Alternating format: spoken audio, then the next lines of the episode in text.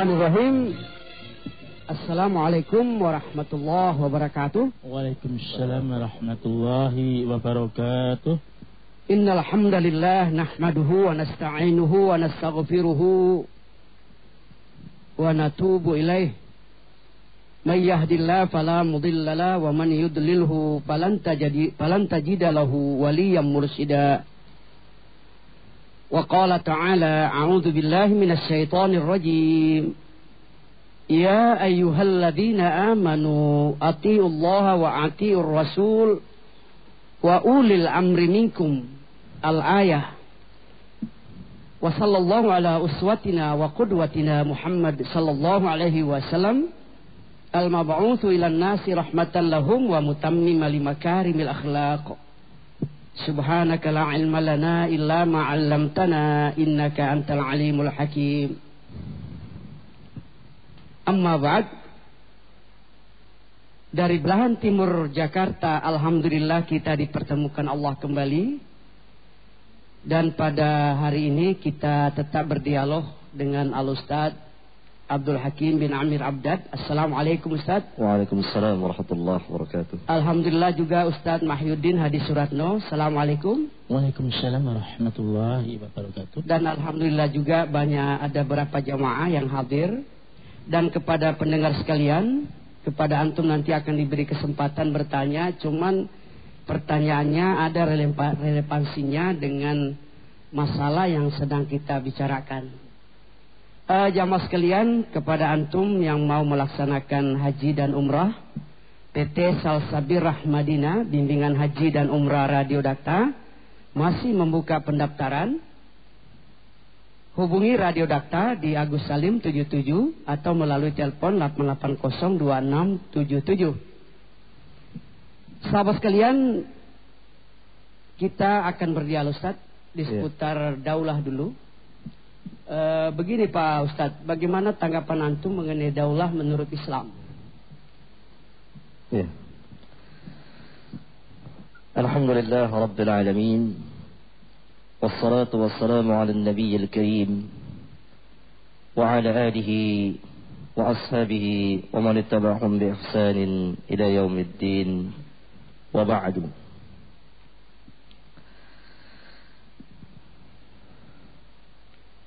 Pertama-tama saya akan membacakan beberapa keterangan dari para imam kita tentang ta'arif ahlu sunnah wal jamaah ya. yang pernah kita bahas. Ya. Untuk melapangkan, melampangkan jalan kita untuk memahami tentang daulah Islamin. Ya. Pertama, Berkata Imam Ibn Hazm rahimahullah taala beliau hidup pada abad kelima Hijriyah wafat pada tahun 56 Hijriah. Tentang ta'rif ahlu sunnah wal jamaah. Beliau mengatakan, Wa ahlu sunnah Alladzina nadhkuruhum ahlul haq. Wa man adahum fa ahlul bid'ah. Fa innahum as-sahabah radhiyallahu anhum. وكل من سلك نهجهم من خيار التابعين ثم أصحاب الحديث ومن اتبعهم من الفقهاء جيلا فجيلا إلى يومنا هذا ومن اقتدى بهم من العوام في الشرق العرض وغربها رحمة الله عليهم. أهل السنة yang kami terangkan mereka yaitu ahlul haq ahlul sunnah itu ahlul haq yang memiliki kebenaran Ya. Berarti kebenaran itu ada pada ahlus sunnah. Wa man adahum fa ahlul bid'ah. Selain daripada ahlus sunnah ini, maka dikatakan ahlul bid'ah. Siapa ahlus sunnah ini? dijelaskan oleh Al-Imam Ibn Hazm. Hmm. Fa'innahum as-sahabah. Mereka adalah para sahabat radhiyallahu anhum. Dan setiap orang yang mengikuti manhaj mereka Ya. min khiyarit tabi'in dari kaum tabi'in. Kemudian thumma ashabul hadis, kemudian para ahli hadis. Wa man ittaba'ahum min al-fuqaha'i jilan ba' fajilan ila yaumina hada. Dan orang yang mengikuti ashabul hadis dari kaum fuqaha, para ahli hukum dari satu zaman ke zaman yang lain, satu masa ke masa yang lain sampai hari ini, yakni pada sampai pada zaman Ibnu Hazm itu. Iktada bihim min al-awami fi syarqil ardi wa gharbiha.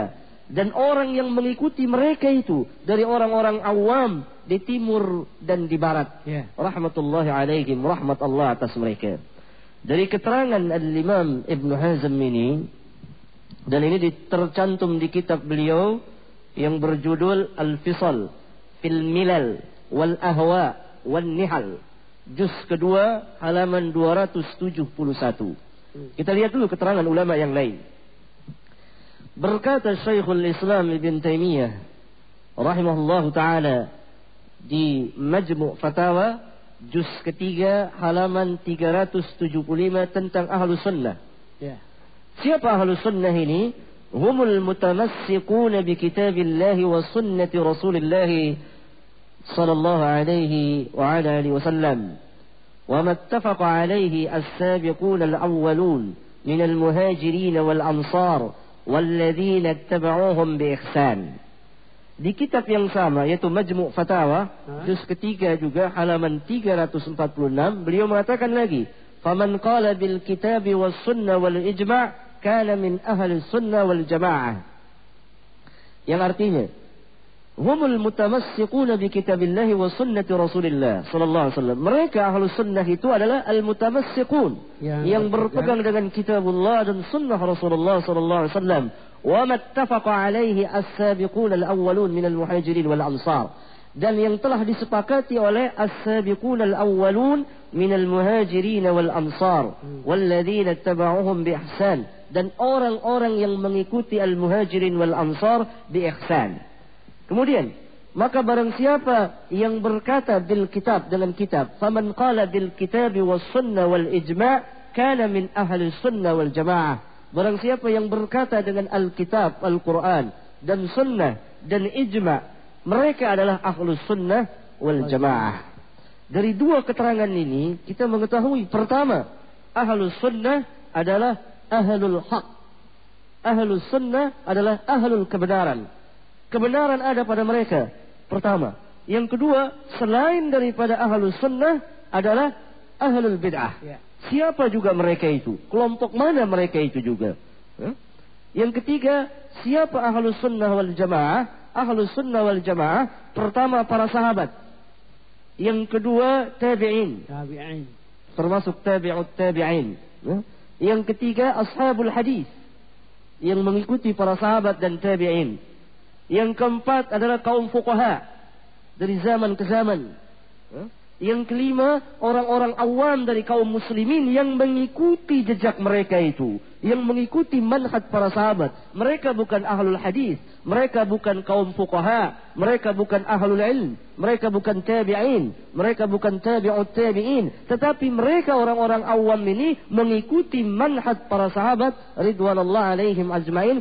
Fi syarqil ardi wa gharbiha. Di timur dan di barat bumi. Di mana saja mereka berada, kalau mereka mengikuti manhaj para sahabat, mereka itulah ahlus sunnah wal jamaah. Dan selain daripada mereka ini adalah ahlul bid'ah.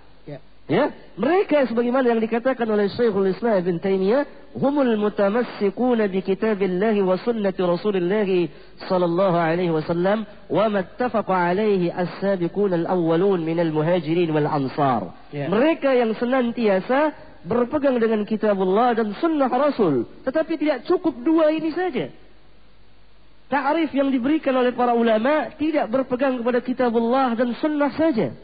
Tetapi pemahaman terhadap kitabullah dan sunnah Rasul itu, itu dari siapa? As-sahabah. Ini maknanya yang dikatakan Ibnu Hazm tadi, fa innahumus sahabah. Mereka itulah sahabat dan yang dikatakan oleh Syekhul Islam, wa mattafaqa alaihi as-sabiqun al-awwalun min al-muhajirin wal ansar walladzina ittaba'uhum bi ihsan. Ya. Jadi orang yang semata-mata berdalil dengan Al-Quran dan Sunnah menurut ra'ayunya semata, menurut pemahamannya semata. Padahal pemahaman itu tidak pernah keluar dari para sahabat. Mereka bukan ahlus sunnah dan mereka bukan ahlul haq. Yang dikatakan bukan kebenaran, tetapi yang dikatakan adalah kesesatan dan mereka fa'ahlul bid'ah. Mereka kenapa dikatakan demikian? Karena ta'rif ahlus sunnah wal jamaah itu berpegang dengan Alkitab dan Sunnah Nabi menurut pemahaman para sahabat ridwanullah alaihim ajma'in.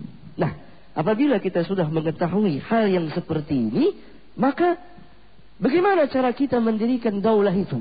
Ya. Kita melihat para sahabat ridwanullah alaihim ajma'in. Bahkan kita melihat perjalanan yang ditempuh oleh Rasulullah sallallahu alaihi wa ala alihi wasallam. Bahkan perjalanan al-anbiya wal mursalin. Mursalin. Kalau kita buka Al-Quranul Karim dan Sunnah Nabi dan keterangan para sahabat Ridwanullah alaihi majma'in, maka kita akan mengetahui bahwa tujuan diutusnya Al-Anbiya wal Mursalin, diutusnya para Nabi dan Rasul, bahkan diciptakannya manusia itu untuk beribadah kepada Allah Tabaraka wa Ta'ala. Oleh karena itu, dakwah mereka yang pertama dan terus menerus itu adalah ad-da'wa ila Allah. U'budullaha wajtanibut tagut. Hmm. Menegakkan tauhid dan menghancurkan syirik. Dan ini yang terjadi. Sebelum saya lanjutkan keterangan ini, perlu saya memberikan keterangan di mana sebagian kaum muslimin yang mempunyai girah, kesemangatan terhadap Islam, tetapi mereka tidak memiliki ilmu atau kurang memahaminya, uh, perlu saya terangkan ada beberapa kewajiban di dalam Islam yang perlu kita ketahui. Pertama, kewajiban yang tidak boleh lepas dari dada seorang pun muslim hatta satu detik. Hmm. Kewajiban itu harus ada di dada setiap muslim. Apa kewajiban apa ini? Al-iman billahi wa rasulihi. Iman kepada Allah dan Rasulnya. Tauhid itu. Tidak boleh ada tenggang waktu. Tidak boleh ada waktu libur untuk tidak bertauhid. Tidak boleh dikatakan kami tidak sanggup bertauhid. Tidak ada. Ya. Bahkan sampai orang yang dipaksa untuk dibunuh pun juga dan lisannya mengatakan kekufuran, hatinya harus tetap tuma'ninah dengan tauhid itu, dengan Islam itu. Ini kewajiban yang tidak boleh lepas dari dada seorang muslim satu detik pun juga. Oleh karena itu seluruh dakwah para nabi dan rasul al-iman pertama. 13 tahun Rasulullah di Mekah al-iman didakwakan. Bagaimana cara beribadah kepada Allah tabaraka wa taala? Ya. Hah? Ini kewajiban al-iman. Yang kedua, selain kewajiban-kewajiban lain yang seperti uh, salat, saum dan lain sebagainya, itu ada kewajiban-kewajiban yang diberi uzur oleh seseorang walaupun tidak diberi uzur untuk ditinggalkan tapi diberi uzur untuk yakni uh, mengerjakan misalnya salat. Tidak sanggup berdiri maka duduk. Tidak sanggup duduk maka berbaring, uh, berbaring. tidak sanggup berbaring maka celentang. Ya. begitu. Dan seterusnya. Ya, ada rukhsah. Tidak sanggup berwudu maka tayamum. Dan begitu. Ya. yang kedua ada kewajiban yang diwajibkan kita tapi disertai dengan istita'ah istita'ah adalah kesanggupan. Dilihat daripada kesanggupan kita. Contoh, haji umpamanya. Wajib bagi kita meyakini bahwa haji itu adalah wajib. Tetapi pelaksanaannya dilihat dari kemampuan kita. Walillahi 'ala nasi hajjul baiti man istata'a ilaihi sabila kata Allah. Dan wajib bagi manusia menunaikan ibadah haji lillah karena Allah. Man istata'a ilaihi sabila. Barang siapa yang sanggup berjalan ke sana, ke sana. Ada istita'ah. Tidak setiap manusia dibebani kewajiban haji ini. Walaupun setiap muslim wajib meyakini dan beriman bahwa haji itu wajib hukumnya dan menjadi rukun Islam. Ya. Tetapi pelaksanaannya diserahkan kepada kemampuan masing-masing. Demikian juga zakat. Tidak setiap orang mengeluarkan zakat. Bahkan sebagian kaum muslimin malah diberi zakat. Istita'ah. Sesuai dengan kemampuan itu sendiri. Demikian juga menegakkan daulah itu. Ya. Diserahkan kepada istita'ah kemampuan kaum muslimin. Sebelumnya saya perlu terangkan dulu. Ada kewajiban yang menjadi asas. Yang kalau asasnya tidak ditegakkan, maka gugurlah Islam. Ini at-tauhid. Ada ini eh, syariat Islam yang tertinggi Ya, al-asas, tauhid. Ada yang bagian daripada itu. Yani untuk menyempurnakan kewajiban-kewajiban yang Allah bebani, itu harus ada itu. Ma la yutimmul wajibu illa bihi fahuwa wajibun. Apa-. Apa, yang ya, apa apa yang tidak sempurna yang wajib itu kecuali dengan yang tersebut tersebut, yang tersebut itu, maka yang tersebut itu hukum menjadi wajib. Ya. Yang masuk dalam bagiannya juz bagian daripada syariat ada daulah itu sendiri. Oh iya iya. Dengan daulah tegaknya imamah diatur berbagai macam hukum dan memakai sistem Islam. Memang ini keinginan setiap muslim. Ustaz, Satu maaf, keba- maaf Ustaz. Eh. Eh, apakah ada ayat Quran atau sunnah Rasulullah menyuruh mendirikan daulah itu? Ayat-ayat ayat-ayat Al-Quran begitu banyak yang menjelaskan tegaknya daulah itu. Wa man lam yahkum bima anzalallah faulaika humul Oh. kafirun. Menegakkan hukum Allah itu dan be- begitu banyaknya. Tetapi di sini salah paham bagaimana cara menegakkan hukum Allah. Orang mendahului menegakkan hukum Allah daripada tauhid ini sendiri. Oh begitu. Ini yang yang yang yang yang yang yang, yang salahnya. Dan bagaimana cara menegakkan daulah itu? Jadi saya saya saya, saya terangkan bahwa ini adalah juz bagian daripada Islam itu sendiri. Bukan satu bagian yang yang menjadi asas yang kalau tidak ada ini gugur keislaman. Tidak sama sekali. Oh. Yang gugur keislaman itu apabila tidak ada tauhid. Oleh karena itu Rasulullah Sallallahu Alaihi Wasallam ya ini menegakkan tauhid. Ini tidak berarti bahwa daulah itu kecil tidak. Tetapi jalannya syariat kita harus sesuai dengan dengan peraturan syariat itu sendiri. Dengan apa yang telah diterangkan oleh eh, para sahabat. Kemudian ada kewajiban-kewajiban dalam Islam yang ditegakkan oleh orang per orang. Ada kewajiban-kewajiban yang tidak bisa ditegakkan oleh orang per orang tetapi dengan jamaah. Ya. Tentang daulah ini jamaah secara keseluruhannya kaum muslimin di dunia ini bukan terbatas pada Bekasi atau Tangerang atau Bandung atau Jakarta atau Indonesia tidak seluruh wilayah negeri di dunia ini di kaum muslimin itu bersatu menegakkan daulah di bawah kepemimpinan satu orang khalifah dan sekarang belum ada tetapi ada usaha dari sebagian kaum muslimin. Usahanya harus didahului mengembalikan kaum muslimin kepada agama ini dan menegakkan tauhid dulu. Oleh karena dakwah tauhid ini menurut manhaj salaf nanti akan tegak daulah Islam dan itu dibuktikan dalam sejarah. Ada dua sejarah pergerakan Islam. Ya. Pertama Syekhul Islam Muhammad bin Abdul Wahab di Hijaz, ya. Itu bergerak dakwahnya untuk apa dakwahnya? Menegakkan tauhid mengikuti manhaj salaf dan beliau banyak membaca kitab-kitab Syekhul Islam Ibn Taimiyah. Dan cita-cita beliau ingin mengembalikan uh, kekuasaan kaum muslimin. Ya. Diawali dengan dakwah tauhid terlebih dahulu, bukan dakwah kekuasaan tidak. Mengajak manusia mengenal kepada Rabbul Alamin di mana manusia pada zaman itu khususnya di, di Jaziratul Arab banyak yang menyembah kuburan, percaya kepada jimat-jimat dan lain sebagainya. Kesyirikan begitu meluas dan melebar di permukaan bumi. Didakwahkan oleh Syekhul Islam ini. Seorang uh, ulama besar bahkan mujaddid pada abad itu. Allah taala berikan kekuasaan sampai sekarang bisa dinikmati. Itu negara Saudi Arabia dan sekitarnya itu. Itu hasil perjuangan Wahab al-Wahab. uh, Syekhul Islam Muhammad bin Al-Wahhab itu. Satu-satunya yang menegakkan hukum Allah Saudi Arabia itu. Saya bukan membanggakan Saudi Arabia dengan serba kekurangan, tidak. Tapi Ya Ustaz, eh, tapi oleh musuh-musuh Islam kok mengapa disebut Wahabi itu? Itu istilah bagaimana pula Wahabi itu? ya, n- nanti akan kita bicarakan itu ya. Nanti kita, saya saya lanjutkan uh, dulu ini buat, buat menerangkan ya.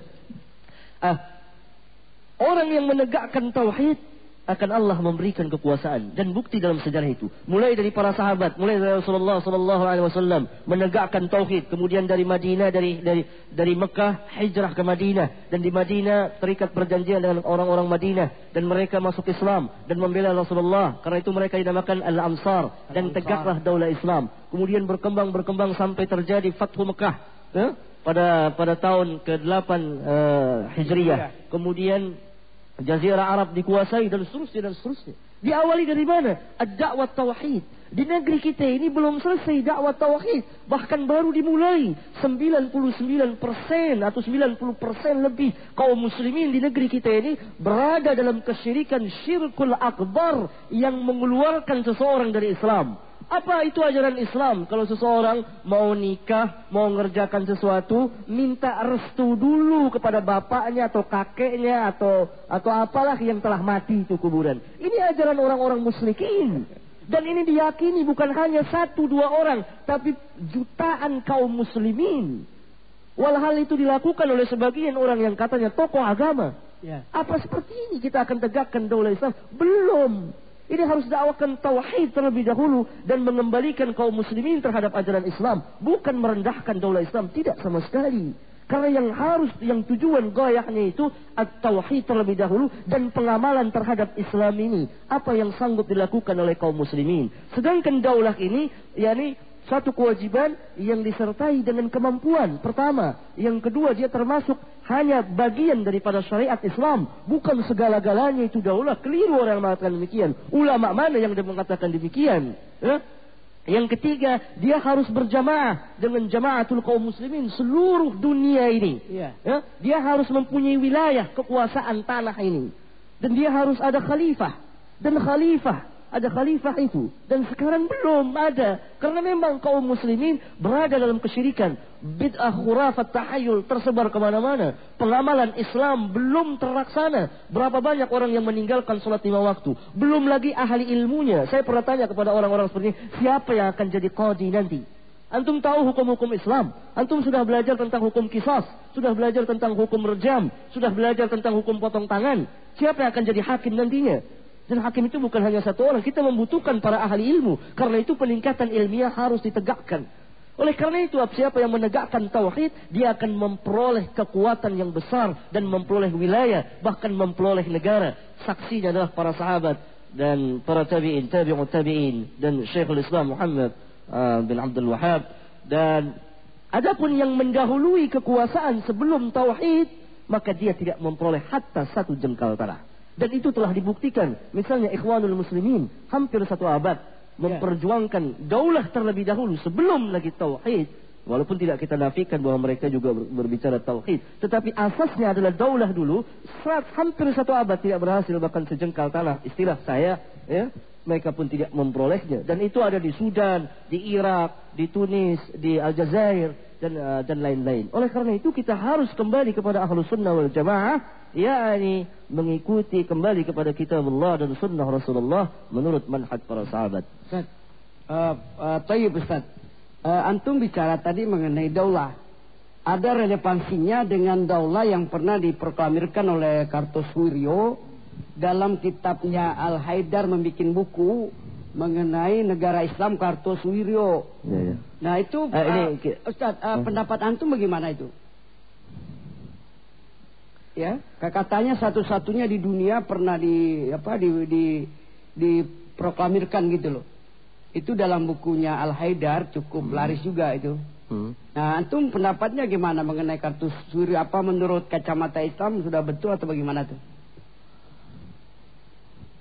untuk mengetahui benar dan tidaknya kita kembalikan kepada kitabullah dan sunnah Rasulullah ya. alaihi salatu wassalam menurut manhaj para sahabat ridwanullah ridwanullah alaihim ajma'in yaitu salafun salih.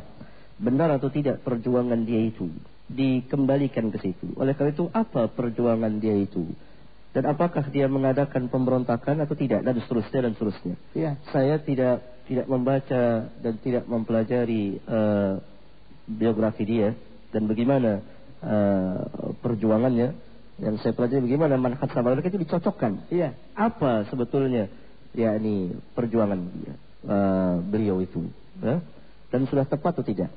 Yang saya perlu terangkan bahwa untuk menegakkan daulah Islam itu pertama tadi yakni tauhid terlebih dahulu. Ya? Yang kedua mengikuti salafun salih ridwanullah alaihim ajma'in. Yang ketiga berjamaah seluruh kaum muslimin berjamaah menegakkan uh, daulah dengan salah seorang uh, khalifah ya. dengan salah seorang khalifah yang akan di di di bayat tadi. Yang keempat tidak dengan jalan pemberontakan. Terhadap sesama kaum muslimin. Tidak dengan jalan pemberontakan terhadap sesama kaum muslimin. Ya. ya? Karena para sahabat tidak pernah memberontak. Nah, karena semua kaum muslimin ya ini uh, bersaudara. Ya? Oleh karena itu kalau ada yang salah maka memperbaikinya. Indonesia ini dilihat dari satu sisi, maka mayoritas kaum muslimin tinggal memperbaiki ya ini keadaan kaum muslimin saja. Ya. Nanti sistem akan berubah itu. Sistem nah. akan berubah.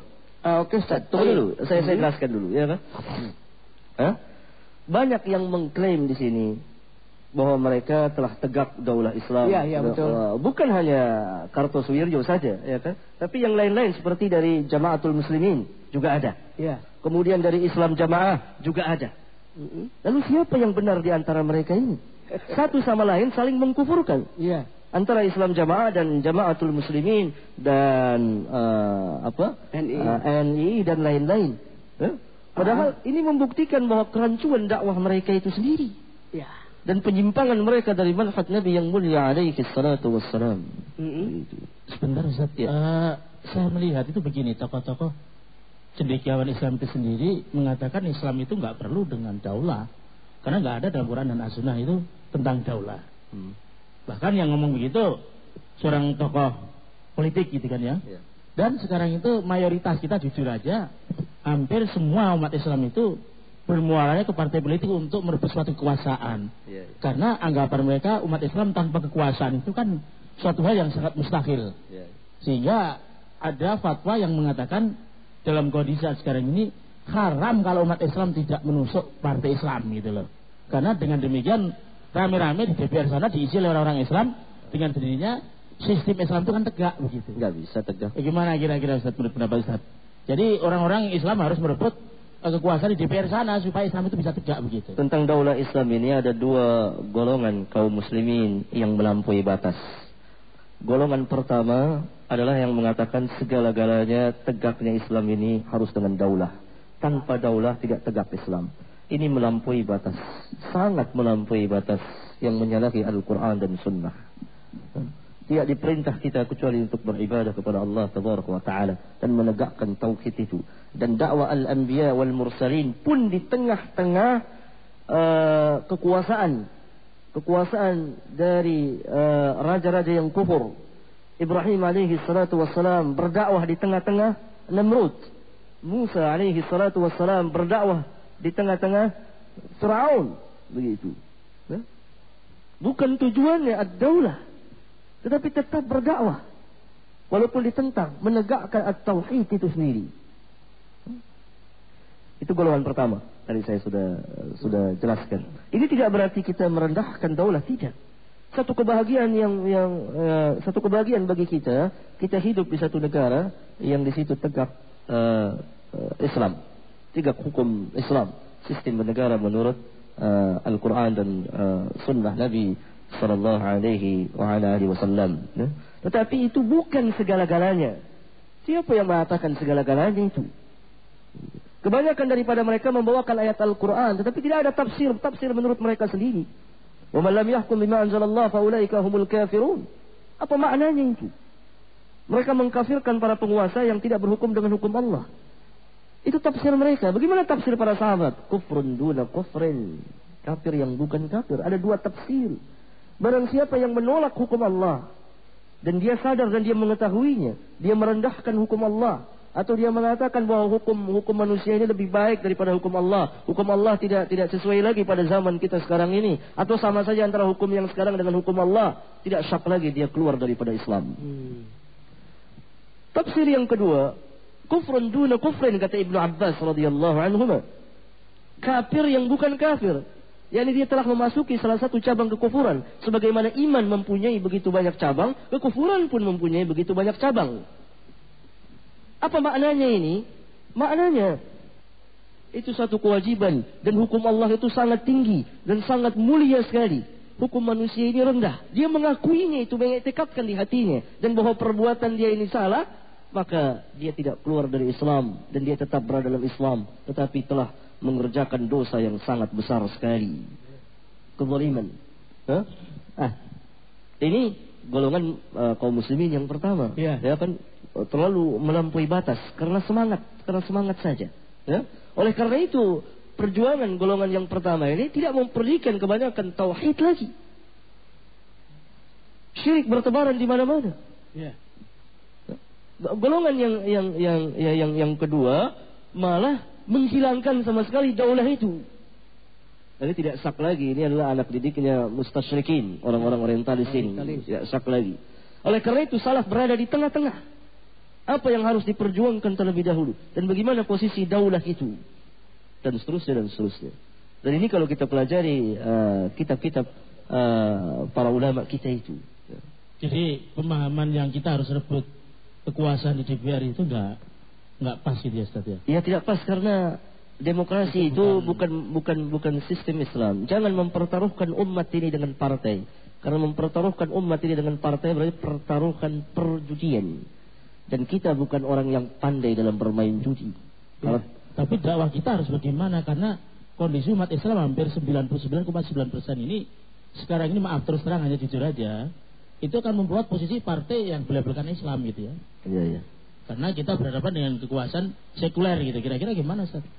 Kita hanya diperintah mengikuti syariat Rabbul Alamin. Ya.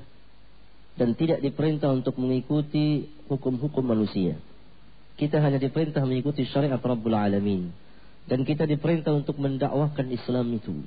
Dan ini memang perjalanan yang sangat panjang sekali. Memperbaiki keadaan umat ini. Rasulullah Shallallahu Alaihi Wasallam tidak ikut di parlemennya Quraisy ketika beliau ditawari untuk duduk di parlemen Quraisy. Turun ayat Qul ya ayyuhal kafirun. Oh, sekarang ayat ini repot sekarang ya. Qul ya ayyuhal kafirun, la a'budu ma ta'budun dan seterusnya. Eh? Kemudian uh, demikian juga dengan Musa, dengan Ibrahim dan lain sebagainya. Ad-da'wa ilallah itu, ad-da'wa ilallah. Karena kaum muslimin banyak yang belum mengenal daripada uh, uh, Islam uh, ya. itu sendiri. Ini kalau kita saya bicara di sini untuk bicara tentang hukum Allah, ya. ya. ya. Jadi saya mengatakan bahwa bahwa demokrasi dan dan dan saudara-saudaranya itu bukan daripada hukum Allah dan dia dibuat oleh Plato, orang Yunani ya. yang kemudian tenggelam dan uh, akhirnya dimasyhurkan kembali oleh orang-orang Yahudi. Ya? Sampai terjadi revolusi Prancis Sejak itu masyarakat dunia dari Perancis itu menerima sistem uh, demokrasi itu. Sistem demokrasi ini sangat bertentangan sekali dengan dengan Islam. Dengan ajaran Islam. Karena kekuasaan dalam Islam Allah tabaraka wa taala, kekuasaan demokrasi itu adalah rakyat. Rakyat itu sendiri jelas bertentangan. Gitu. Tapi gimana kalau andai kata ini seandainya gitu yeah. ya. Uh, atasan-atasan kita dari non muslim yang dia buat suatu undang-undang untuk mengkantor umat Islam. Apa enggak suatu kerugian contohnya maaf ya andai kata andai, anggota DPR di sana mayoritas bukan orang Islam. Iya. Kira-kira tanggapan Ustaz bagaimana atau seharusnya kita bagaimana gitu? Pertama, kalau kita berjalan di jalan yang hak dan sesuai menjalani Islam dengan apa yang Allah syariatkan melalui lisan nabinya yang mulia alaihi salatu wassalam sekuat kemampuan kita la yukallifullahu nafsan illa wus'aha fattaqullaha mastata'atum nanti selebihnya Allah tabaraka wa taala yang atur itu eh? Yang kedua, dengan berkata demikian seolah-olah kita meng mengetahui perkara yang akan terjadi. Wa nafsum madza taksibu goda. Seseorang tidak tahu apa yang akan dia kerjakan besok itu. Ini tidak berarti bahwa kita tidak mempersiapkan sesuatu, tidak. Tetapi apabila kita berjalan di atas syariat Rabbul Alamin dan sesuai dengan syariat Rabbul Alamin dan kita mengikuti apa yang Allah perintahkan dan menjauhi apa yang Allah larang, nanti Allah akan atur untuk kita itu dan kemenangan untuk kita itu. Ya. Kedua, ketiga, terbukti dalam sejarah bahwa memperjuangkan Islam lewat parlemen hampir satu abad ini tidak pernah berhasil. Sebelum kita telah uh, uh, naik ke panggung politik ini, tokoh-tokoh yang besar, tokoh-tokoh yang besar telah memperjuangkan Islam melalui ini, tetapi tidak pernah berhasil. Tidak pernah berhasil mereka itu. Karena kenapa? Karena mereka memakai sistem orang-orang Yahudi. Bagaimana kita kaum muslimin akan memperjuangkan Islam baru melangkah saja kita telah uh, ya ini uh, memakai sistem mereka itu. Sementara kita mengucapkan ayat walan taradu ankal yahudu walan nasara hatta tattabi'a millatahum. Ya. Ini berarti kita mengikuti sunnah perjalanan mereka itu. Oleh karena itu Allah perintahkan kita mengikuti apa yang Allah perintahkan dan menjauhi apa yang Allah larang. Sebatas itu. Dan kita hidup sesuai dengan syariat uh, Rabbul Alamin. Dan kaum muslimin di negeri kita dan di negeri kita ini umumnya kaum muslimin hanya kaum muslimin tidak mengetahui sebagian dari mereka belum termasuk kita belum mengetahui tentang agama Islam benar. Allah alam bisawab. Jadi kira-kira bagaimana untuk menyadarkan mayoritas umat Islam yang hampir orientasi energinya habis untuk diperjuangkan di sana gitu saja. Sehingga dakwah kita ini seolah-olah kalau tanpa e, partai politik seolah-olah itu banyak orang yang ah ente nggak punya kekuatan buat apa nanti gitu kan ya. Nah kira-kira gimana sih? Iya. Nah, ada orang yang menyepelekan lo tujuannya orientasinya apa gitu loh. Iya, iya. Kalau tidak ente suatu saat umat Islam tidak berkuasa tetap akan dijajah. Ini kan dalam arti orientasi politik untuk iya. merebut suatu kekuasaan untuk melaksanakan ajaran Islam. Nanti kalau di sana sudah umat Islam semuanya kan dengan sendirinya uh, ajaran-ajaran Islam akan di, dipraktekkan begitu. Tak bisa. Tak bisa.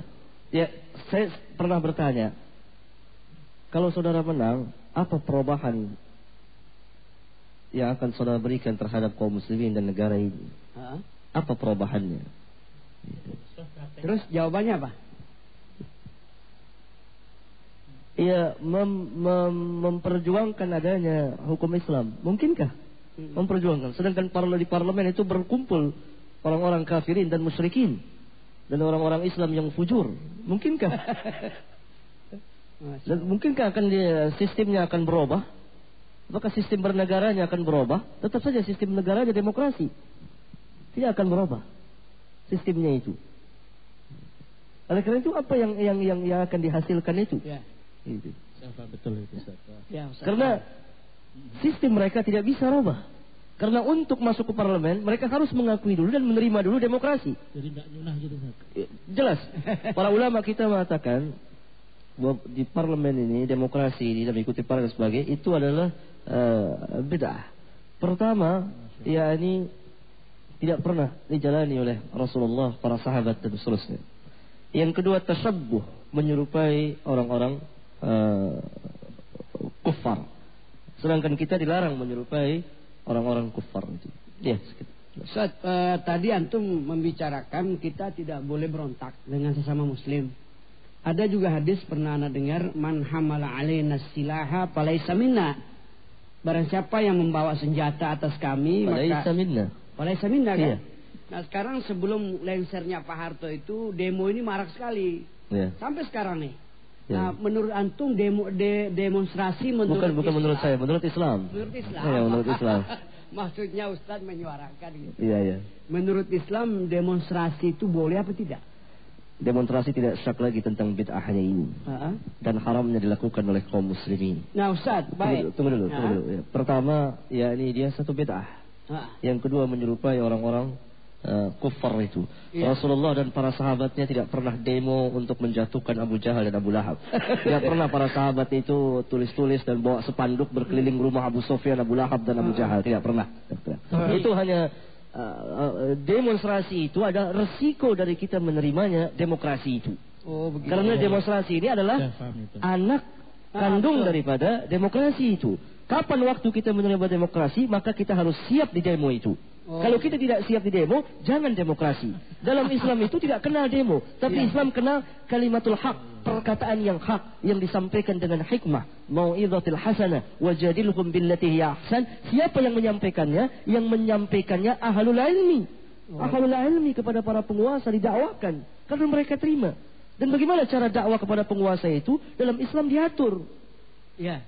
Tapi dulu pernah gini saya baca ketika kematian Utsman bin Affan itu dikepung sama para pemberontak itu gimana itu? Ini yang Yang mem- yang, yang, mem- yang memberontak ini hasil hasutan dari Abdullah bin Sabah orang Syiah, Syiah Rafidah dan orang ini adalah asalnya orang Yahudi karena Syiah itu agamanya dibuat oleh orang Yahudi Abdullah bin Sabah. Ini dan orang-orang munafikun pun terpengaruh dengan itu. Ya biasa adalah orang Islam yang yang yang yang fasikin Ya, ya, ya, karena ya. banyak orang-orang Islam minum Ya. minum khamr dan lain. Tapi Ya, kalau ya, kita kita, kita kita melihatnya kan dari ajaran Islam bukan dari orang Ya. Islamnya.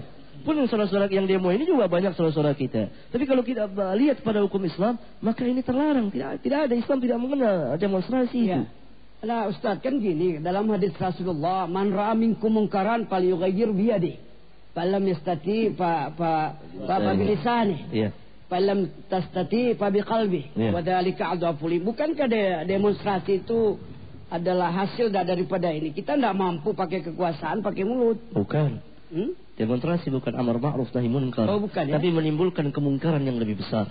Dalam Maksudnya, mencegah Ustaz, uh, dalam mencegah eh, yang munkar itu harus memiliki ilmu.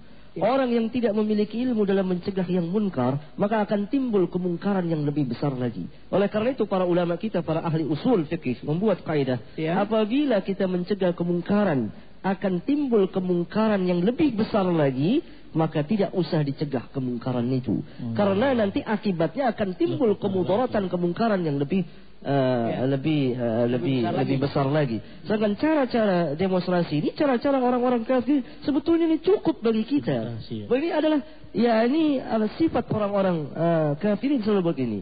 Mereka mogok makan, mogok minum, Ya, ya, ya. kan? Itu adalah eh, kebiasaan orang-orang kafirin. ya Pernah ada satu kisah yang menarik ketika Sa'ad bin Abi Waqqas radhiyallahu an hmm. ya diperintah oleh ibunya untuk meninggalkan agama eh, Islam, Ya. meninggalkan eh, Rasulullah sallallahu alaihi wasallam dan diancam oleh ibunya. Ya. Kalau saat tidak meninggalkannya, dia akan mogok makan dan minum. ya surat Luqman ya Ya, dalam dalam dalam dalam eh, surat eh, Luqman itu. Ya? Ya. Dan saat tetap tidak mau keluar dari agama Islam ini dan ibunya melakukan mogok makan dan minum ya sampai beberapa hari sampai dia lemas.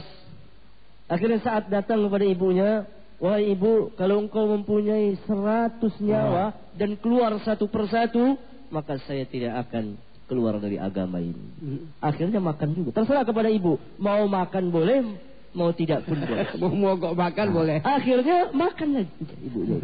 Bisa dilihat di tafsir Ibn Kathir. ya Eh? Surat Luqman ayat 15 tahu. ke- kejadian ayatnya 15 15. Kejadian ini oh, lalu uh, turun ayat yang mulia wa wasaina al insana biwalidayhi hamalathu ummuhu wahnan ala wahnin wa fisaluhu fi amain an ishkur li wa liwalidayk ilayya al masir. Hmm. Dari kejadian ini kita mengetahui pertama bahwa mogok makan dan minum itu adalah sunnahnya orang-orang kafirin. ya Bukan sunnahnya kaum muslimin.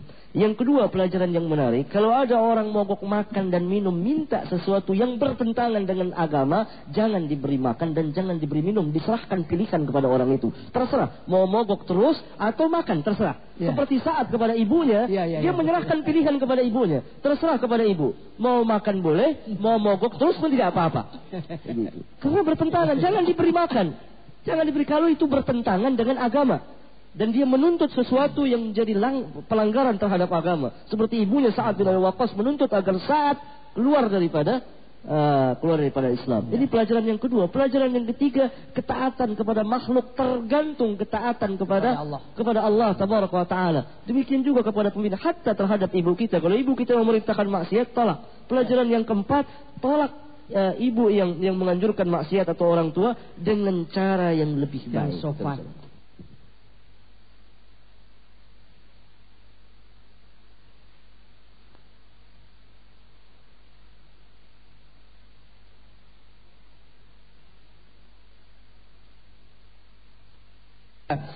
demo menimbulkan kerusakan lebih besar. Bisa Hmm. memberi contoh-contoh misalnya. Saya kira semua kita menyaksikannya.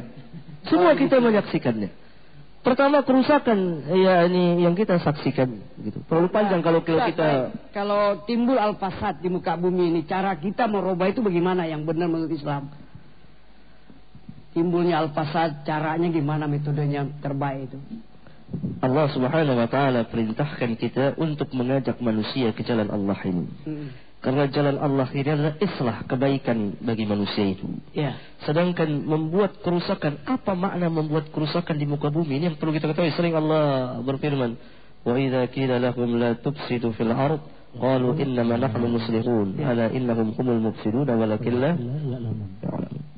Nah, apa yang dimaksud dengan membuat kerusakan di muka bumi? Para ahli tafsir menafsirkan ayat yang mulia ini seperti tercantum di kitab tafsir Ibnu Jari At-Tabari, kitab tafsir Al-Imam Al-Qurtubi, kitab tafsir Ibnu Kathir, kitab tafsir uh, Fathul Qadir yang dikarang oleh Al-Imam Al-Shawkani atau kitab tafsir Adwaul Bayan yang dikarang oleh Al-Imam Shankiti uh, dan lain-lain para uh, mufassirin dalam menafsirkan ayat membuat kerusakan di muka bumi itu dua macam. Iya. Pertama, mengerjakan maksiat. Oh. Setiap orang yang mengerjakan maksiat di muka bumi ini, dia telah turut membuat kerusakan di bumi Allah ini. Karena Allah telah memperbaiki bumi dengan diutusnya para nabi dan rasul untuk mendakwahkan yang hak itu. Hmm. Itu pertama. Ya. Ya. Sedangkan demonstrasi itu adalah maksiat. Hmm. Kenapa dikatakan maksiat? Karena bertentangan dengan syariat Islam. Kita berbicara tentang tentang tentang Islam. Ya. Yang kedua yang dimaksud membuat kerusakan di muka bumi ini adalah yakni memerintahkan orang untuk berbuat maksiat. Ya. Memerintahkan orang untuk berbuat maksiat adalah kerusakan di muka bumi ini. Kita ya ini menganjurkan orang untuk minum khamr dan lain sebagainya. Itu itulah membuat kerusakan di di muka bumi. Dan kerusakannya terlalu banyak. Cukup bagi kita pelanggaran setiap pelanggaran dalam agama itu adalah kerusakan. Walaupun ada manfaatnya. Nanti orang akan bukankah ada manfaatnya? Bukankah ada manfaatnya? Ya. Kalau hujahnya seperti ini, Nah. maka itu dulu Ustaz. Ya. Maka kita akan katakan khamr dan judi pun ada manfaatnya. Karena Allah katakan uh, manafi'u linnas. Lina manafi'u Ya? linnas. Kalau Allah katakan wa ithmuha akbaru min naf'ihima gitu. Iya. Karena Allah Subhanahu wa taala katakan bahwa dalam khamr dan judi itu ada manfaat-manfaat bagi manusia, bukan hanya satu manfaat tetapi manafi. Begitu Ya, uh, manfaat. beberapa manfaat bagi manusia itu sendiri. Ya? يسألونك عن الخمر والميسير قل فيهما إثم كبير ومنافع للناس وإثمهما أكبر من نفعهما Mereka bertanya kepada engkau tentang khamr dan judi. Katakan pada keduanya ada dosa yang besar. Dan beberapa manfaat bagi manusia. Akan tetapi dosa keduanya lebih besar daripada manfaatnya. Ya. Kalau semata-mata kita berdasarkan adanya manfaat, maka khamr dan judi pun kita bisa kita bisa minum khamr dan kita bisa lakukan perjudian karena ada manfaatnya. Yang kita lihat bukan manfaatnya dari satu sisi, tetapi yang kita lihat adalah al-haq kebenaran itu. Benar atau salah, bukan ada manfaatnya. Memang se- sebagian daripada maksiat itu ada manfaatnya. Ada manfaat. Nanti kalau orang mati bukan lagi demonstrasi ada manfaatnya. Baiklah kalau ditakdirkan itu ada manfaatnya. Tetapi, yakni bukan semata-mata lihat ada manfaatnya. Itu dilarang apa tidak dalam agama kita. Bagaimana hukum syarak itu sendiri. Dan kalaupun ada manfaatnya, tidak sebanding dengan mudaratnya itu. Mudaratnya. Dan ayat ini menjadi kaidah bahwa menolak kerusakan didahulukan daripada men- mengambil mafasid muqaddam ala jalbil masalih. masalah. Tapi pernah terjadi begini Ustaz ya. Bani Abbasiyah itu untuk merebut suara kekuasaan itu harus menggulingkan Bani Umayyah. Sehingga terjadi eh, perebutan kekuasaan sehingga terkenal dengan Abdul Abbas Syafah dia menguasai dengan eh, daulah Bani Abbasiyah. Itu kan dia juga memberontak kepada saudaranya dari Bani Umayyah. Ya, ya. Akhirnya dia berhasil bahkan Bani Umayyah ada yang lari ke Andalusia sehingga eh, menguasai eh, di Andalusia sana. Kira-kira bagaimana itu Ustaz? Jalan yang seperti itu kira-kira Yang- kan yang- yang- sebagai satu sejarah yang mesti harus kita pahamkan gitu. Nah, iya, iya. Itu satu kesalahan dan pelanggaran. Ya. Yang kita contohkan bukan orang Islam ya, tapi eh, eh, para sahabat, tabi'in dan seterusnya manfaat mereka. Kembali kepada Al-Quran dan Sunnah Nabi yang mulia eh, alaihi salatu wassalam. Pertama. Yang kedua, Hmm? para ulama tidak ikut mengadakan pemberontakan itu. Iya, tidak tidak tidak ada para para ulama mengikuti situ. Di situ semuanya hanya orang-orang uh, siasah politik dan memperebutkan uh, kekuasaan di antara kaum muslimin dan itu terjadi. Jadi bukan sejarah itu kita jadikan jadikan uh, patokan tapi patokan kita dari hujah kita itu adalah yakni Al-Qur'an dan sunnah dan bagaimana perjalanan para sahabat radhiyallahu majma'in. Ya. Uh, tapi sesuai dengan janji kita bisa pada zaman pada zaman sahabat tunggu sebentar. Pada zaman ya? sahabat juga hidup seorang penguasa yang sangat boleh yaitu siapa? Hajjaj bin Yusuf. Tapi pernahkah para sahabat demonstrasi? Pernahkah para sahabat mengadakan pemberontakan? Iya, iya. Dan lain sebagainya. Uh, ini kalau surat Al-Anfal ayat 6 60 itu bagaimana kira-kira tanggapan Ustaz untuk mengeluarkan satu perlawanan kepada seorang yang tiran begitu loh. Surat Al-Anfal ya ayat 60. Hmm. Jadi ini ada konsep dari Al-Qur'an untuk mempersiapkan untuk mengganti suatu eh, orang-orang uh, yang tiran begitu saja yang tidak sesuai dengan ajaran Allah dan Rasulnya gitu. Ya. Ayat 60 ya. Kapan ayat 60? Ya. Wa'iddu lahum ما استطعتم من قوة ومن رباط الخير ترهبون به عدو الله وعدوكم وآخرين من دونهم لتعلمونهم الله يعلمهم وما تنفقوا من شيء في سبيل الله يوفى إليكم وأنتم لا تظلمون Pertama, surat ini adalah surat Madaniyah, bukan Makiyah, turun di Mekah. Dan ketika di Madinah Rasulullah Sallallahu Alaihi Wasallam telah mendirikan daulah. Jadi ayat-ayat ini bukan ayat makiyah. Bukan, bu, uh, tidak turun ketika Rasulullah Sallallahu Alaihi Wasallam masih berada di Mekah. Karena memang beliau belum mempunyai kekuasaan. Ya, ya. Bagaimana beliau bisa mempersiapkan sesuatu untuk musuh berupa kekuatan fisik tentunya, persenjataan. Ya? Tapi di situ mempersiapkan kekuatan keimanan, al-iman, at-tauhid dan seterusnya. Ya? Nah, setelah beliau di, di Madinah, nah diperintahkan oleh Allah taala di situ baru ada perintah untuk jihad. Perintah untuk memerangi orang-orang kafirin dan perintah untuk mempersiapkan kekuatan ini semampu mereka itu. Itu di Madinah. Dan perangnya kepada siapa? Perangnya kepada orang-orang kafir, orang kufar. Orang kufar. Tidak bisa kita sesama kaum muslimin. Oh, jadi kesimpulan ayat ini kita disuruh mempersiapkan diri untuk melawan perang, untuk melawan kufar. Ya. Itu apabila telah tegak daulah Islam, itu kewajiban pemerintahan Islam mempersiapkan kekuatan untuk men pertama mendakwahkan Islam, Kedua, memerangi orang-orang kufar yang menghalangi dakwah Islam atau memerangi kaum muslimin. Tapi surat An-Nisa ayat 70. Tidak ada nih para penguasa yang zalim sih enggak ada. Ini surat tafsir. Uh, dalam Al-Qur'an cuma begini dalam surat An-Nisa ayat 76 itu. Iya. Alladzina amanu yuqatiluna fi sabilillah walladzina kafaru yuqatiluna fi sabilit taghut itu. Iya.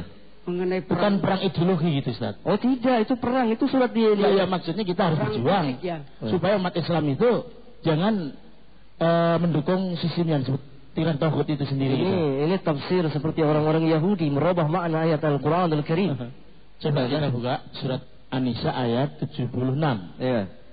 Nah itu kan terjadi suatu perangan antara orang Islam dan orang kafir, tapi ya. karena kafir menggunakan suatu sistem tauhid begitu loh. Ya. Nah sekarang ini repotnya kadang-kadang orang Islam sendiri malah pendukung tauhid ini kira-kira bagaimana Ustaz? Karena kebodohan mereka kan gitu loh. Iya. Tafadhol. Alladzina amanu yuqatiluna fi sabilillah walladzina kafaru yuqatiluna fi sabilit taghut. Faqatilu awliya asy-syaitan inna kaida asy-syaitani kana dha'ifa. Orang-orang yang beriman berperang di jalan Allah dan orang-orang kufur. Di sini kufur. Ya? Bukan orang-orang muslim, orang-orang kufur. Yuqatiluna fi sabilit taghut. Berperang di jalan tagut. Maka perangilah Iya nih teman-teman atau kekasih-kekasih sahabat-sahabat penolong uh, sahabat-sahabat syaitan itu inna kaida syaitani kana dha'ifa.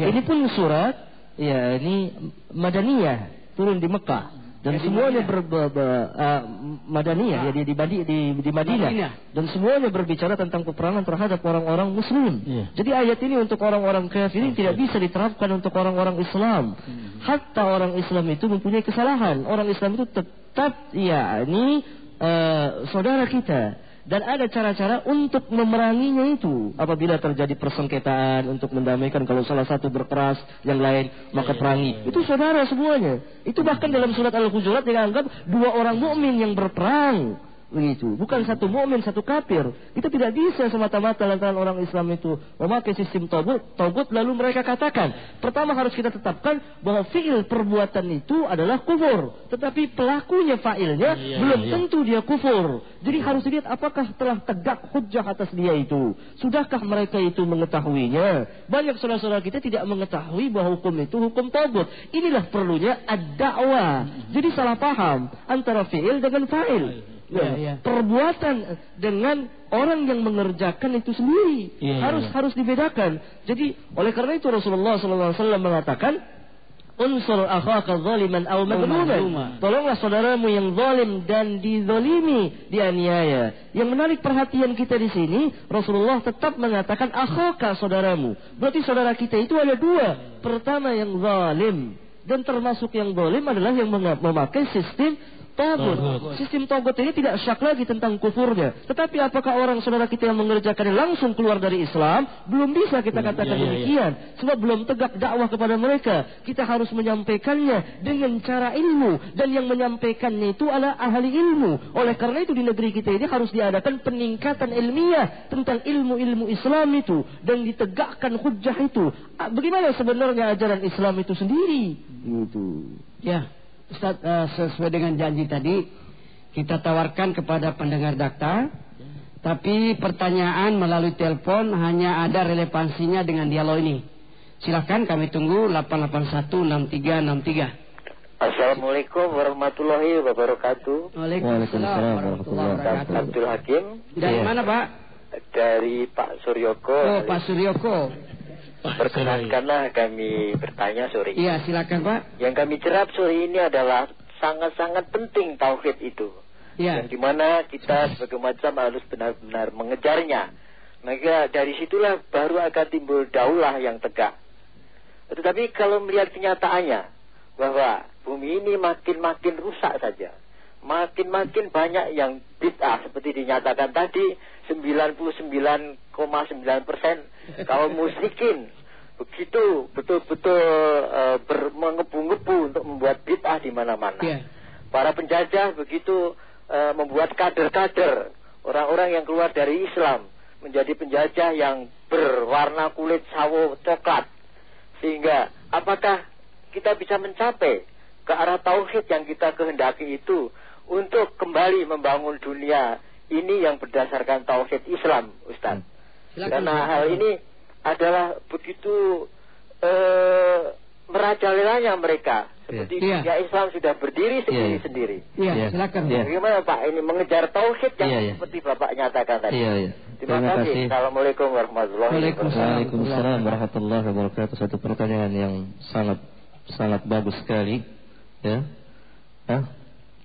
Alhamdulillah walaupun tidak syak lagi bahwa kaum muslimin di negeri kita ini harus kita katakan dan bukan untuk merendahkan sama sekali kalla thumma kalla tetapi kenyataan yang ada berada dalam kebodohan terhadap agamanya dan kelangkaan atau kalau boleh dikatakan tidak ada sama sekali seorang tokoh atau ulama yang menyampaikan yang hak dan berkata yang hak dalam arti ulama yang sebenarnya dalam arti al-ulama warasatul anbiya. anbiya. Oleh karena itu keadaan kaum muslimin di negeri kita ini semakin lemah.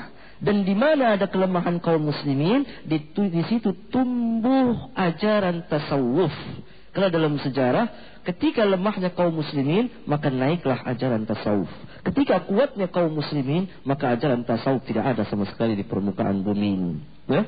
Tetapi Alhamdulillah Rabbil Alamin Itu kenyataan di negeri kita Tapi kalau kita berbicara tentang Islam Maka kita berbicara tentang dunia Islam Yang bukan hanya di Indonesia ini saja Tetapi di seluruh dunia Alhamdulillah dakwah Tauhid ini telah menyebar Bahkan tanpa terkecuali di negeri kita ini pun Telah ada kebangkitan ini Kalau tidak ada kebangkitan ini, tentu tidak ada orang yang memperingatkan itu syirik, ini tauhid, ini bid'ah, itu sunnah. Ya. Apabila tidak ada sama sekali, itu namanya dikatakan tidak ada kebangkitan. Sekarang telah ada kebangkitan. Guru, para ulama kita, para ustadz kita, para syekh kita, yang begitu banyaknya di dunia ini melalui suara mereka, melalui kitab-kitab mereka, mendakwakan at-tauhid, at-tauhid, sampai ke negeri kita ini. Bahkan sampai ke Radio Dakta ini sendiri sudah sampai suaranya. Begitu. Bukan saya yang mensuarakan, tapi para ulama kita hanya menyampaikan dan membaca kitab mereka. Ini satu kebangkitan.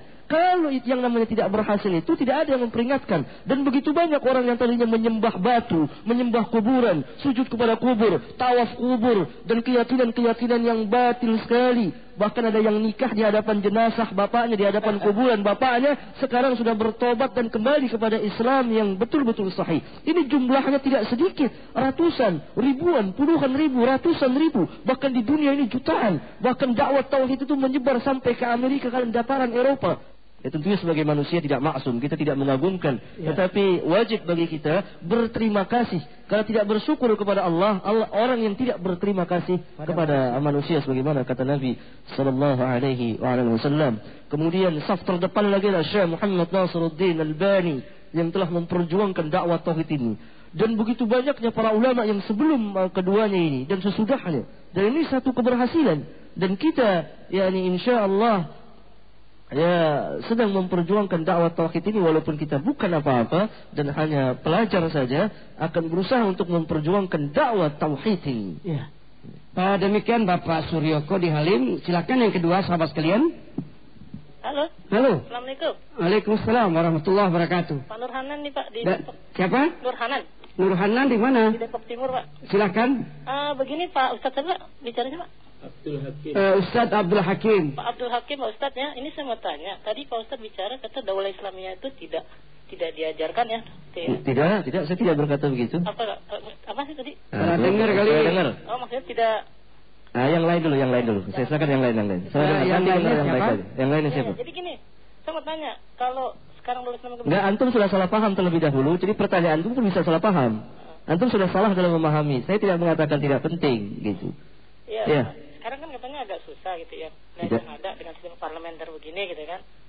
Untuk Islamiyah atau yang penting kan uh, tauhid dulu gitu kan. Iya. Nah, sekarang saya mau tanya apakah dibiarkan saja orang Islam kita ini banyak pelanggaran berzina nggak ada hukum? Kan hukum hukum untuk orang zina kan sudah ada ulahnya gitu. Mana yang lebih besar antara syirik yang mengkufurkan seseorang dengan zina? Zina itu orang berzina kufur apa tidak? Tidak. Tidak kufur. Kalau orang yang syirik jembah kuburan kufur apa tidak? Kufur, kufur. mana yang harus kita dahulukan dulu membetulkan yang kufur atau yang maksiat dulu. Jadi akidah dulu ya. Ini tidak berarti kita biarkan saudara kita yang tidak yang yang yang berzina, tetapi dengan nasihat begitu banyak kaum penzina sekarang jadi tobat. Oh, gitu ya. Karena dengan dakwah tauhid ini itu lebih dahulu akan memperoleh kekuatan. Silakan yang lain. Ustaz, anak teringat hadis Rasulullah relevansi dengan hadis ini dengan pertanyaan tadi la yaznu zani wa huwa mu'min. Iya. Apa itu? Bagaimana Ustaz? Maknanya di sini bahwa sifat orang mukmin itu tidak berzina jauh daripada zina. Ya, pertama. Yang kedua, ketika seseorang itu berzina, maka keimanannya itu terangkat. Bukan keimanannya secara mutlak, tetapi kesempurnaan keimanan itu seolah-olah dia tidak mempunyai iman lagi. Ya. Karena iman itu menolak sifat zina itu sendiri. Ya. Uh. Uh, silakan satu penelpon lagi kami janjikan tiga orang tadi kalau nggak salah ya. Halo. Halo. Assalamualaikum. Waalaikumsalam warahmatullahi wabarakatuh. Warahmatullahi wabarakatuh. Nah, ini Yubhar nih Pak Ustaz. Pak Dokter Yubhar, silakan. Aduh, saya mau bilang apa ya ini? Aduh, saya ada saja. Uh, syukur-syukur sekali masalah ini Pak Ustaz Abdul Hakim. Iya, terima kasih. Uh, nggak tahu lah saya mau bilang apa ini. uh, cuman uh, saya anu sekali pada hari ini kelihatannya Pak Ustaz agak mendekati kepada uh, metode atau uh, surat surat al-asri di mana itu ada ada nasihat menasihati saya lihat ya. ya. Berbeda dengan sebelumnya saya lihat. Pak Sekarang Pak Dokter Bapak. tanya apa ini? Nah, saya cuma uh, metode. Langsung. Uh, ya itulah masalahnya. Jadi saya melihat oh. Pak Ustadz sebelumnya itu kayaknya dia agak keras daripada surat Al-Asri ini kelihatannya. Apakah memang ada suatu uh, dalil lain yang uh, seorang apa? Salah Pak, salah. Bapak penilaiannya salah. Jadi uh, salah. Pertama, Bapak tidak uh, salah dalam menafsirkan wal asri itu dengan harus dengan ilmu. Ya, mungkin mungkin ya saya saya Oleh karena itu kalau Bapak tidak memiliki sesuatu pengetahuan tentang Al-Qur'anul Karim, tidak boleh berbicara karena kita dalam Islam wala takfu ma laysa laka bi ilmun. Kewajiban Bapak fasalu ahla dzikrin kuntum la ta'lamun. Pertama, yang kedua Bapak salah dalam memahami ya ini pembicaraan-pembicaraan saya. Ya, saya kan pendengar jamaah. Oh, iya. Mana pun juga kan ya lebih lebih lebih menguasai Pak Ustaz. Yang yang yang berbicara tentu lebih paham apa yang dia bicarakan daripada pendengar tentunya. Saya Pak Dokter mau tanya apa sekarang? Nah. Saya merasakan soalnya bukan apa-apa Pak Ustaz. Iya. Ya. Saya merasakan saya bahwa Pak Ustaz pada hari ini iya. itu uh, saya melihatkan terjemahannya di situ ada nasihat menasihati. Iya betul. Nah, terus sebelumnya Pak Ustadz kayaknya agak lebih keras gitu. Oh, hari ini lain ya. Iya, iya. Saya tapi itu uh, salah penilaian Bapak gitu ya. Ya kan mungkin Pak Ustadz bisa menerangkan kesalahan saya ini. Oh iya. Ya, tadi pertama salah dalam uh, wal asri itu dan salah dalam memahami ya ini tentang karena ini sifatnya dialog bukan siap sifatnya itu pengajaran secara khusus ilmu yang dengan tertib tapi di dialog tergantung dari apa yang ditanyakan oleh para ustadz di sini ya. dan ini tidak direkayasa sama sekali ya. saya pun dari mulai datang ke rumah sampai sini tidak tahu apa yang akan ditanyakan oleh ustadz Habib dan ustadz Mahyudin sama sekali saya tidak tahu ya. apa yang akan ditanyakan oleh mereka kedua ini itu rekayasa itu pekerjaan orde lama uh. enggak saya nggak sampai ke sana pak ustadz aduh iya. enggak sampai ke sana iya. cuman maksud saya uh, dari inti itu bahwa orang itu kan mah tadinya eh, sebelum lohor tadi ada yang mengatakan oh, tidak ada Oke, okay. sekarang Pak Dokter cocok kan? Ya, hari ini cocok kan? Saya kira cocok, cuman Alhamdulillah, ya udah terima kasih Pak Dokter. Iya. Kita dibatasi ruang dan ya, waktu dan sudah. Tidak diteruskan nanti kapan-kapan dalam bentuk dialog ya Pak Dokter. Ya? Iya, terima kasih ya, Pak Dokter. Pak Dokter datang ke sini aja lebih bagus deh. ya. Jadi sama ustadznya. Eh, jamaah sekalian, pendengar kami Maksud hati kata orang memeluk gunung Apa daya gunungnya meleduk? Waktu yang memisahkan kita Oleh karena itu Makasih atas kebersamaan antum Khususnya tadi Para penanya dari luar Tiga orang. Uh, Kepada Ustadz Jazakallah khair. Mudah-mudahan Ustadz bisa hadir lagi Pada hari akan datang. InsyaAllah ada waktu. Demikianlah jamaah sekalian Bila ada yang hak datang dari Allah Yang salah dari pribadi kami yang doib Ana Habib Hasan Al-Mahdali dengan Al-Ustaz Abdul Hakim bin Amir Abda dan Al-Ustaz Mahyudin Ati Suratno beserta beberapa jamaah yang hadir di studio ini. Mari kita sama-sama membaca doa kafaratul majlis. Subhanaka Allahumma wa bihamdika asyhadu an la ilaha illa anta astaghfiruka wa atubu ilaik. Wabillahi taufiq wal hidayah. Assalamualaikum warahmatullahi wabarakatuh.